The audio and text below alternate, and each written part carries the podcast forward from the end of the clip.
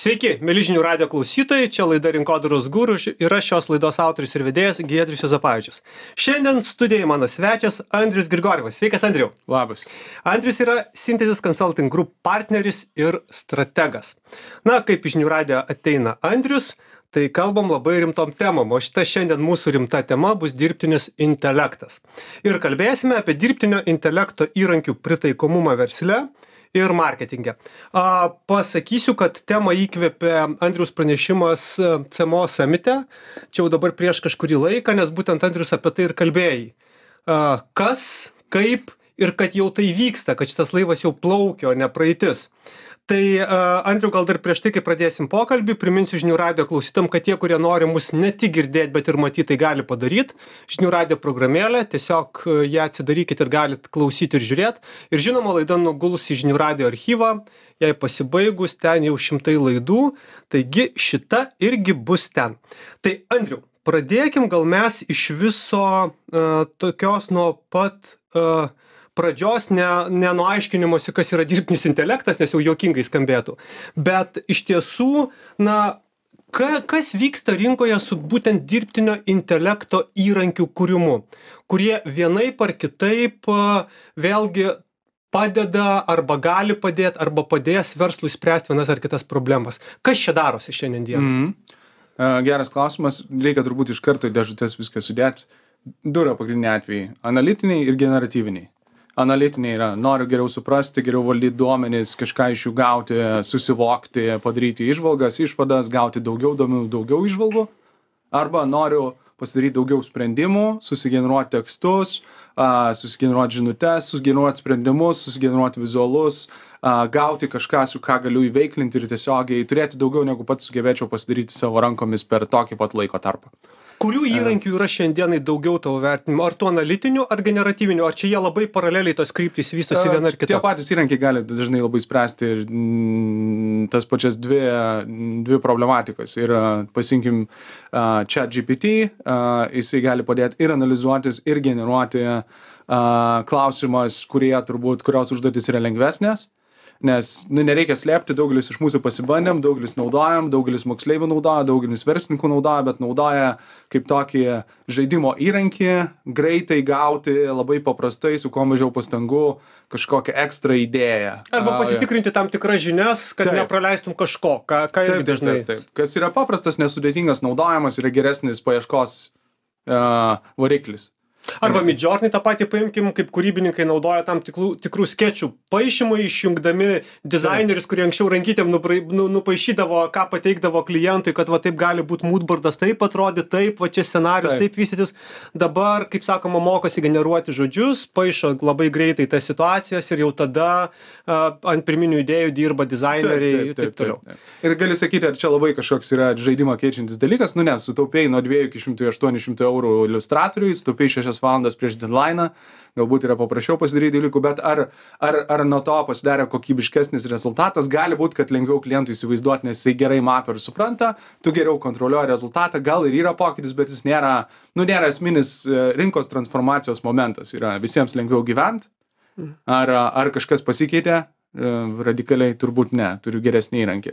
Bet tai nereiškia, kad negali pasikeisti. Mhm. Uh, nes, nes, nes daugeliu atveju, nu, čia turbūt pasiimkime antrąjį, e, pirmąjį variantą yra analizė. Uh, daugeliu atveju organizacijos labai dažnai neturi pakankamai resursų arba kompetencijų užsimti rimtą duomenų analizę. nu tam samdo tada konsultantus. Konsultantus, specializuotas tyrimų organizacijos, įmonės, atskiras komandas, freelancers, bet ką, kad tik tai išsispręstų savo poreikį ir dažniausiai, jeigu ir turi duomenys, neturi pakankamai laiko, kad su jais dirbti, kartais neturi ir duomenų, ir laiko su jais dirbti.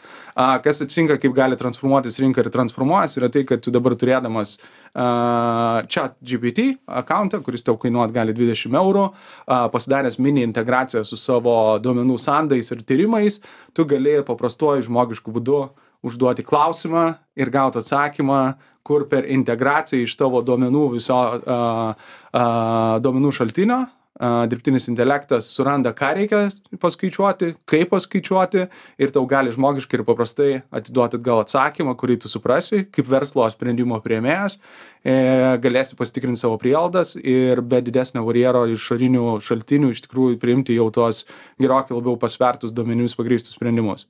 A, ar sakytume, ar keičia žaidimą, ar game changeris, sakyčiau taip. Nes uh, demokratizuota ta technologija demok demokratizuoja visą duomenų lauką tokiu būdu kaip mes kaip kokiu būdu jisai nebuvo prieinamas mes mūsų visam a visoms vidutinėms smulkioms ar netgi kai kurioms stambioms įmonėms iki šiol. Aš netgi skaičiau dar, dar iš kitos pusės realiai tai, kad tu sakai, vėlgi leidžia ko gero konsoliduoti žiūrėti į savo duomenų visą turinį, nes, na, didžiausias iššūkis netgi čia ne tik pas mus lietuvoj gal kaip tik marketingistai dar to neakcentuoja bet jeigu pasižiūrėt e, europos marketingo konfederacijos padarytą tyrimą šiais metais Mhm.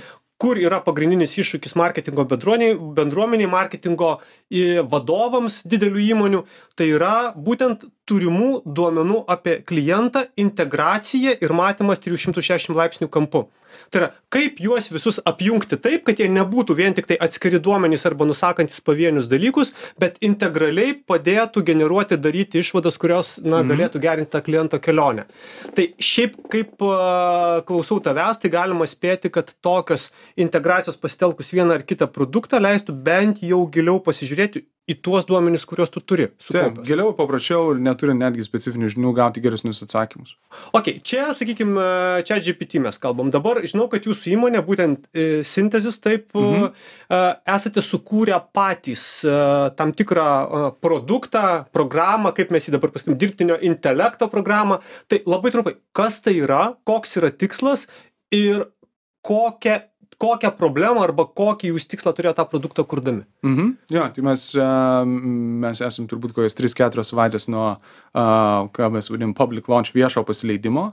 A, turim produktą, kurį vadinam kompos, tai yra tas prekių ženklų kompasas, a, kuris parodo labai greitai leidžia pasiimti viešai komunikuojamą prekių ženklų informaciją, tai yra tai, ką galima rasti jų svetainėse, a, nuskaitytą informaciją, sustruktūruotą. pasitikslinu tai yra kas yra svetainėse ar kas Taip. yra bendrai gugle viešojoj erdvėj ar tiktai A, Mes koncentruojamės dabar tik tai svetainės, tai yra tas, tas pirminis puslapis, kur yra pristatomas produktas, paslauga, įmonė, organizacija, korporatyvas. Ir iš ten labai greituoju būdu pasimdami visą informaciją, sustruktūruojam jam ir parodom, kokį pozicionavimą, kokias vertes ir kokią poziciją iš esmės rinkoje užima tas, tas, tas, ta įmonė prekės ženklas leidžiam palyginti iš karto su kitais kategorijos žaidėjais, pasilyginti kaip kokybiškai, kaip nuosekliai mes tą darom ir greitai nuskaityti visą konkurencinį kontekstą. Tai pavyzdžiui, jeigu man reikia susivokti, kas dabar mano kategorija vyksta JAV, susimetu man rūpimus prekės ženklus, gaunu iš karto sakymus, kaip jie išsidėlioja, ką daro, kokias vertės komunikuoja. Kas grubiai yra nereikalingos man ekspertinės žinios, kad susiprasti, kas kaip vyksta, kokį naudoti tinklelį arba struktūrą visai šitai analizai pasidaryti. Nereikia eksperto, galiu savo komandai labai greitai nešti rezultatus ir suprasti, reikia persipozicionuoti, reikia atsinaujinti, reikia pasistempti, nes mes visai ne tai darom ir ne tai norėtume daryti, kas gaunasi. Ir ar tikrai mes toje vietoje dažniausiai mes fo- fokusuojamės į technologinius prekės ženklus.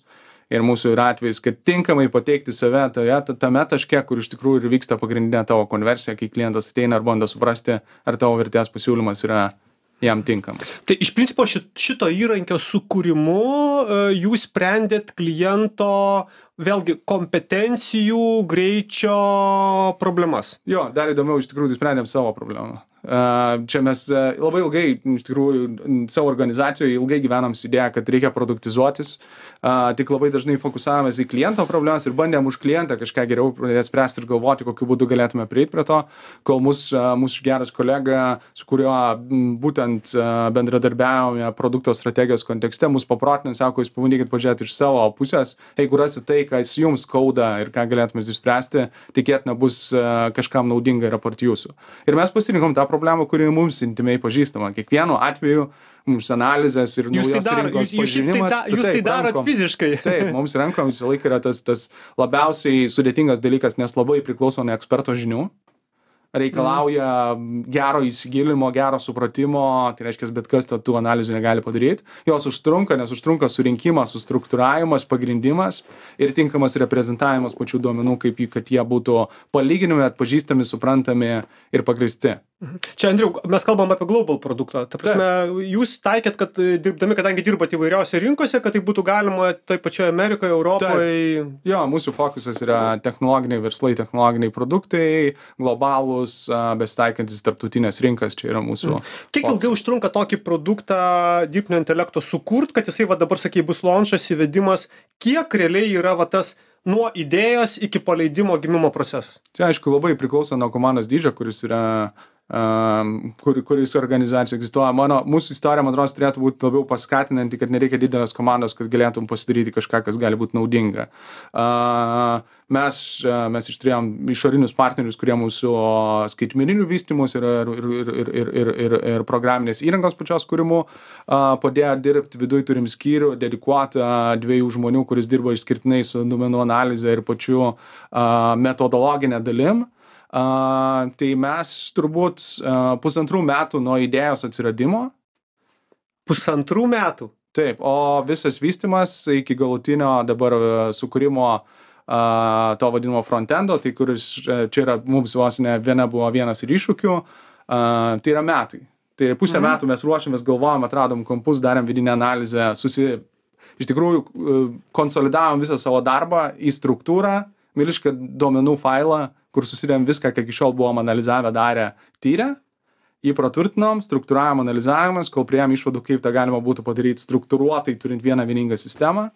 Ir turbūt po jau pirmų 4-5 mėnesių mes turėjom uh, backend'e, tai reiškia, nu, kaip tai negražioji versijoje, Darbinėj versijoj. darbiniai versijoje veikiantį jau variantą, kuris iš tikrųjų duodavo rezultatus ir mes tiesiog dar rankomis keldavom iš duomenų failo į prezentacijas, bet jau naudojom tą įrankį viduje. Tai šešimis mėnesiams užtruko tą pasidaryti.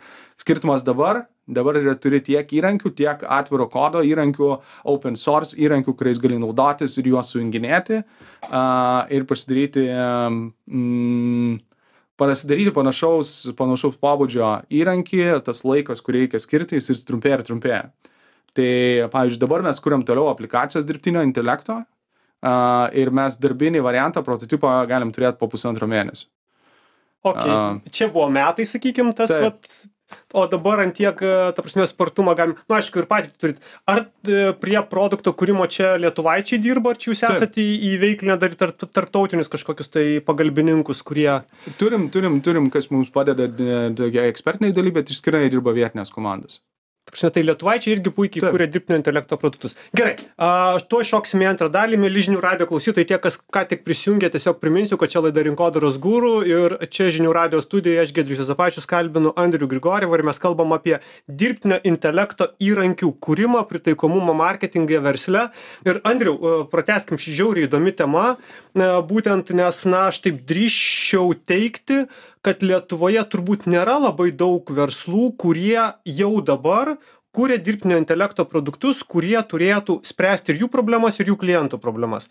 Ar tas e, vėlgi ta kryptis tokio produkto kūrimo, jinai gauna masiškumą, ką, ką toje rinkoje tu aplamai girdima, tai žinai ir koks trendas čia yra? Jo, tai kai kurios organizacijos labai drąsiai m, įsivedė vidinės praktikas, turėti hackathonus, a, susigeneruoti savo įrankius, pasidaryti bent jau kažką, kas veiktų jų viduje, pavyzdžiui, padėtų jų programuotojams arba jų dizaineriams atlikti tam tikras užduotis, tai tikrai dalykai viduje vyksta. Ar išorėje vyksta, irgi jau dabar galima matyti nemažai yra programinės įrangos kuriejų, kurie jau dabar yra paleidę tokius mažesnius produktus skirtus a, a, ant savo įmonės dokumentacijos susikurti chatbotus, kurie galėtų atsakyti klausimus susijęs su tam tikrų paslaugos naudojimu. Kas yra pakankamai nesudėtinga užduotis. Iš esmės dabar su įrankiais, kurie pateikti ir kurie iš esmės didžioji dalis yra jų net nemokami, a, tokį sprendimą turėdamas bazinės žinias gali sukurti tikrai daugelis. Ir a, netgi įmonėms, kurios yra susidomėjimas ar nusipirkti tokį sprendimą ar pasidaryti patiems, barjeras yra ypatingai žemas. Tai man atrodo, čia yra visa nuostabioji dalis, yra mūsų dirbtinio intelekto transformacijos, tai yra demokratiškumas, kiek kainuoja ir kaip labai plačiai prieinami yra šitie įrankiai, ypatingai, kad mes tuo turėsim daug open, e, e, prieinamų a, open source įrankių, ant, su kurių pagalba galima bus a, kurti net neturint komercinės licencijos sprendimus savo. Mm. Tai, tai čia yra tikrai ta nuostabioji dalis. Bet ar sprendimų yra taip? Uh, jie vis pasirodo, ypatingai viskas, kas susijęs su chatbotais yra yra jau mažiausiai dvi trys įmonės kurios siūlo savo sprendimus kaip pasidaryti tą dirbtinį agentą kuris tau gali papasakoti apie produktą ar paslaugą a, vėlgi paminėjai, jeigu, kad tai kainuoja, tai kainuoja santykinai šiandien dienai daug tavo vertinimų ir kaip tas dirbtinio intelekto produkto kūrimo kaina vėlgi jinai judės. Uh, tai jau mes, ką matom ir tikrai matysim ateityje tikėtina, tai a dabar norint kurti m, daugelis sprendimų vis tiek atsirems į GPT OpenAI API įrankį, a, kuris jau yra apmokestinamas pagal kiekį, tai yra tokenus a, ir priklausomai nuo sugeneruoto kiekio užklausų, tu automatiškai... Kaip intensyviai tai naudosi? Jo, jo. Bet tos kainos yra krentančios, Uh, modeliai modernus, kurie dabar yra apriboti, turės vis mažiau apribojimų ir darys vis prieinamesni. Ir ką mes galime jau nuo paskutinių kainos nukritimų labai nesenų galim spręsti kad tikėtina mhm. panašios trajektorijos galima laukti tai a naudojimosi dalis pinga a vystymo dalis am aš sakyčiau bet kas su vidutinėm programavimo žiniom užtenka nedidelės komandos kuri gali padėti organizacijoms ir įmonėms susikurti sau dedikuotą sprendimą be didelės kompleksikos tai. Gerai, tai jeigu dabar reikėtų įvardinti pagrindinės priežastis, kodėl įmonės imasi kurti dirbtinio intelekto produktą, Vat ko, ko, kokias esminius iššūkius jos sprendžiasi tavo vertinimu? Produktivumas yra pagrindinis. Tai yra daug, kiekvienam darbė, kiekvieno mm, specialybei, roliai yra daug užduočių, kurios reikalauja laiko bet galbūt nėra nėra labai tinkamos nėra daugiausia vertės sukuriančios jos yra būtinos jos kol kas yra nepakeičiamos bet jos nėra labai naudingos pačiam darbuotojui nes neaugina jo kompetencijos. Techninės. Techninės jo ir kiekviena kiekviena kiekviena rolė turės techninių užduočių. A tai pirmas yra produktyvumas kurį galima galima optimizuoti ir dar to pasekmėj gali ir darbuotojas kurti pridėtinę vertę fokusuotis ten kur jisai gali padaryt kažko daugiau. Antra man atrodos priežastis kuri darė darysis vis akivaizdesnė yra konkurencingumas ką reiškia demokratizavimas? Reiškia kad kuo daugiau visi galės prieit prie tų įrankių tai reiškia kad mažiau darysim darbų. Tikėtina istorija rodo kad dirbsim dar daugiau. Bet dirbsim dirbsim erdvėse kur galim sukurt daugiau vertės. Ir tikėtina nu kuo pasibaigs tos lenktynės kas kiek įsidiegs ir kokius darbus per kokį laiką galės pasidaryti tai yra baigsis tuo yra tas išsivers į rinkos sėkmę kas greičiau galės implementuot kas greičiau galės prisitaikyti kas greičiau galės pamatyt pasidaryt išvadas ir implementuoti kažką. Ir tai yra greitis. Am ir jeigu tu ne pamatai kad negali konkuruot a nebespėji su rinka arba su kažkuriais rinkos žaidėjais e, dalis arba galim žiūrėti į tokias išvadas kad galbūt mes neturim kai kurių įrankių kuriuos jie turi ir jie gali su dešim žmonių penkiolika žmonių šimtu žmonių pasidaryt daugiau dalykų negu mes galim su kartais šimtu penkiasdešim bet tai reiškia kad iš principo greitoj ateity realiai tu net nežinosi kokius įrankius turi konkurentas pasidaręs ir kaip jis sprendžia savo klausimą. Tu gali matyti tiktai na vėlgi kaip tu minėjai jo produktyvumą arba geresnį rezultatą arba patį efektyvumą ir bandyti spėti kad tai yra įdarbtinas įda į į įdarbintas dirbtinis intelektas turimas kažkoks sprendimas nes realiai na tai nebus tas kaip visiem žinomas prieinam prieinamas a modelis arba licenzija kurią tu gali įsigyti turėti dar apie tai pasiskelbti ir ta prasme tu gali viduj būt prisikepęs įvairiausių dalykų kurių nieks nesupras apart tavęs. Čia labai gera tavo įžvalga. Jeigu anksčiau žinai va šita įmonė dirba su salesforsu tai iš esmės gali žinot kiek iš karto žvaigždutė toj vietoj taip a žinai kiek per metus jie tikėtina sudegina pinigų žinai kokios kritinės galimybės jie turi ir ką gali darytis nu mhm. ir ir tu žinai koks yra rinkos standartas dirbant su salesforce arba įmonės įsidiegia sapą ir viskas aišku jo galimybė tai maksimaliai minimaliai bet ta prasme vis tiek yra ribos kažkokios taip o dabar yra net ir nedidelė įmonė gali prisikept tokių dalykų. Kad... Tai klausyk, tai šiaip iš principo žiauriai įdomiai. Einame į tokią, vėlgi, duomenų analizės ir tuo pačiu marketingo sprendimų paremtų duomenimis erą, kai iš principo konkuravimas įgaus naują tą vadinamą vėl pagalbinį penktą žaidėją, kuris sėdi kaip ir ant suoliuko bet tau realiai servuoja tokius gerus e, padavimus kokių kitas ir net neturės. Jo čia labai irgi visai gali galvoti apie dirbtinį intelektą kaip dar savo vieną darbuotoją kuris gali daryt dalykus klausimas kaip tu jį įgalinsi. Nes a nes vienas vat iš būdų vat ne ne ne ne neseniai visai uh, perėm tokius kelis procesus, pateikėm klientams įsidėkti uh, R&D, tai reiškia tyrimo viso ir produktų, naujų produktų vystimo skyriui uh, visą struktūrą, kur dirbtinis intelektas veikia kaip uh, asistentas, kuris padaro visas pirminės analizės žingsnius, iteratyviai pereidamas pats savo užduodamas klausimus, sugeneruodamas idėjas, atrinkdamas segmentus, segmentams surasdamas sprendimus, identifikuodamas jų silpnasias dalis, silpnasias vietas atgal sušerdamas savo ir tada jau generuodamas idėjas, tada pasidarydamas pats interviu struktūrą ir iš interviu struktūros identifikavęs, ko dar trūksta, patobulinęs galutinai idėjas ir surašydamas viską į rinkodarinę, uh, rinkodarinę medžiagą, kurią gali awesome. susidėti į į, į, į savo naują, naujai iškeptą svetainę ir testuoti su realiais vartotojais. Andriu, žiauriai įdomu, gaila laikas mūsų ištiksėjo, tiesiog pačiai pabaigai, pagrindiniai iššūkiai. Tiem kas dirba kuria tuos produktus e, dirbtinio intelekto ir e, kuria ir kurs. Uh, vienas iššūkis tai yra kaip vertinamas dirbtinio intelekto darbas, kaip tu jį pristatai ir kaip skaidriai ir neskaidriai tu sakai, kas čia padarė, kokiais įrankiais aš tai padariau, kur mano indėlis ir ar aš galiu pasitikėti, aš turiu pakankamą ekspertiškumą, kurį pritaikiau vertindamas tuos rezultatus, nes to ekspertiškumo reikia, kad galėtum tikrai pasivaliduoti ir sukalibruoti tą įrankį, kuris tau tinkamai veiktų. Antroji dalis yra saugumas, yra duomenų atidavimas, tam tikros kibernetinio saugumo nuostatos, kurios yra svarbios ir, pavyzdžiui, dalį organizacijų automatiškai daug labai durų kol kas užtveria dėl neaiškumo ir nebuvimo tos valdysenos dalies, kur gali užtikrinti žinoti, kur mano duomenys kaip veikia, ar jie tikrai saugus, ar aš dabar ne, nebus taip, kad uh, iš savo duomenų sandėlio ar, ar, duomenų failo pusę visų šitų dalykų paskelbsiu likusiai pasauliu. Jo, kas yra ja, visą laiką galimybė. Tai etiškumas, patikimumas, duomenų ekspertinis įvertinimas viena dalis ir kita dalis yra kaip saugiai ar nesaugiai ir kaip jautriai mes elgiamės su duomenimis, kuriuos atiduodame į, dirbtinio intelekto įrankius. Mhm. Mėlyžinių radio klausytojai, štai tiek šiandien apie dirbtinį intelektą. Čia žinių radio studijų buvo Andris Grigorėvas, Synthesis Consulting Group partneris strategas. Tikiuosi, kad laida jums patiko, ją rasite, kaip minėjau, žinių radio archyve. Andriu, ačiū tau, o mes susitiksime po savaitės.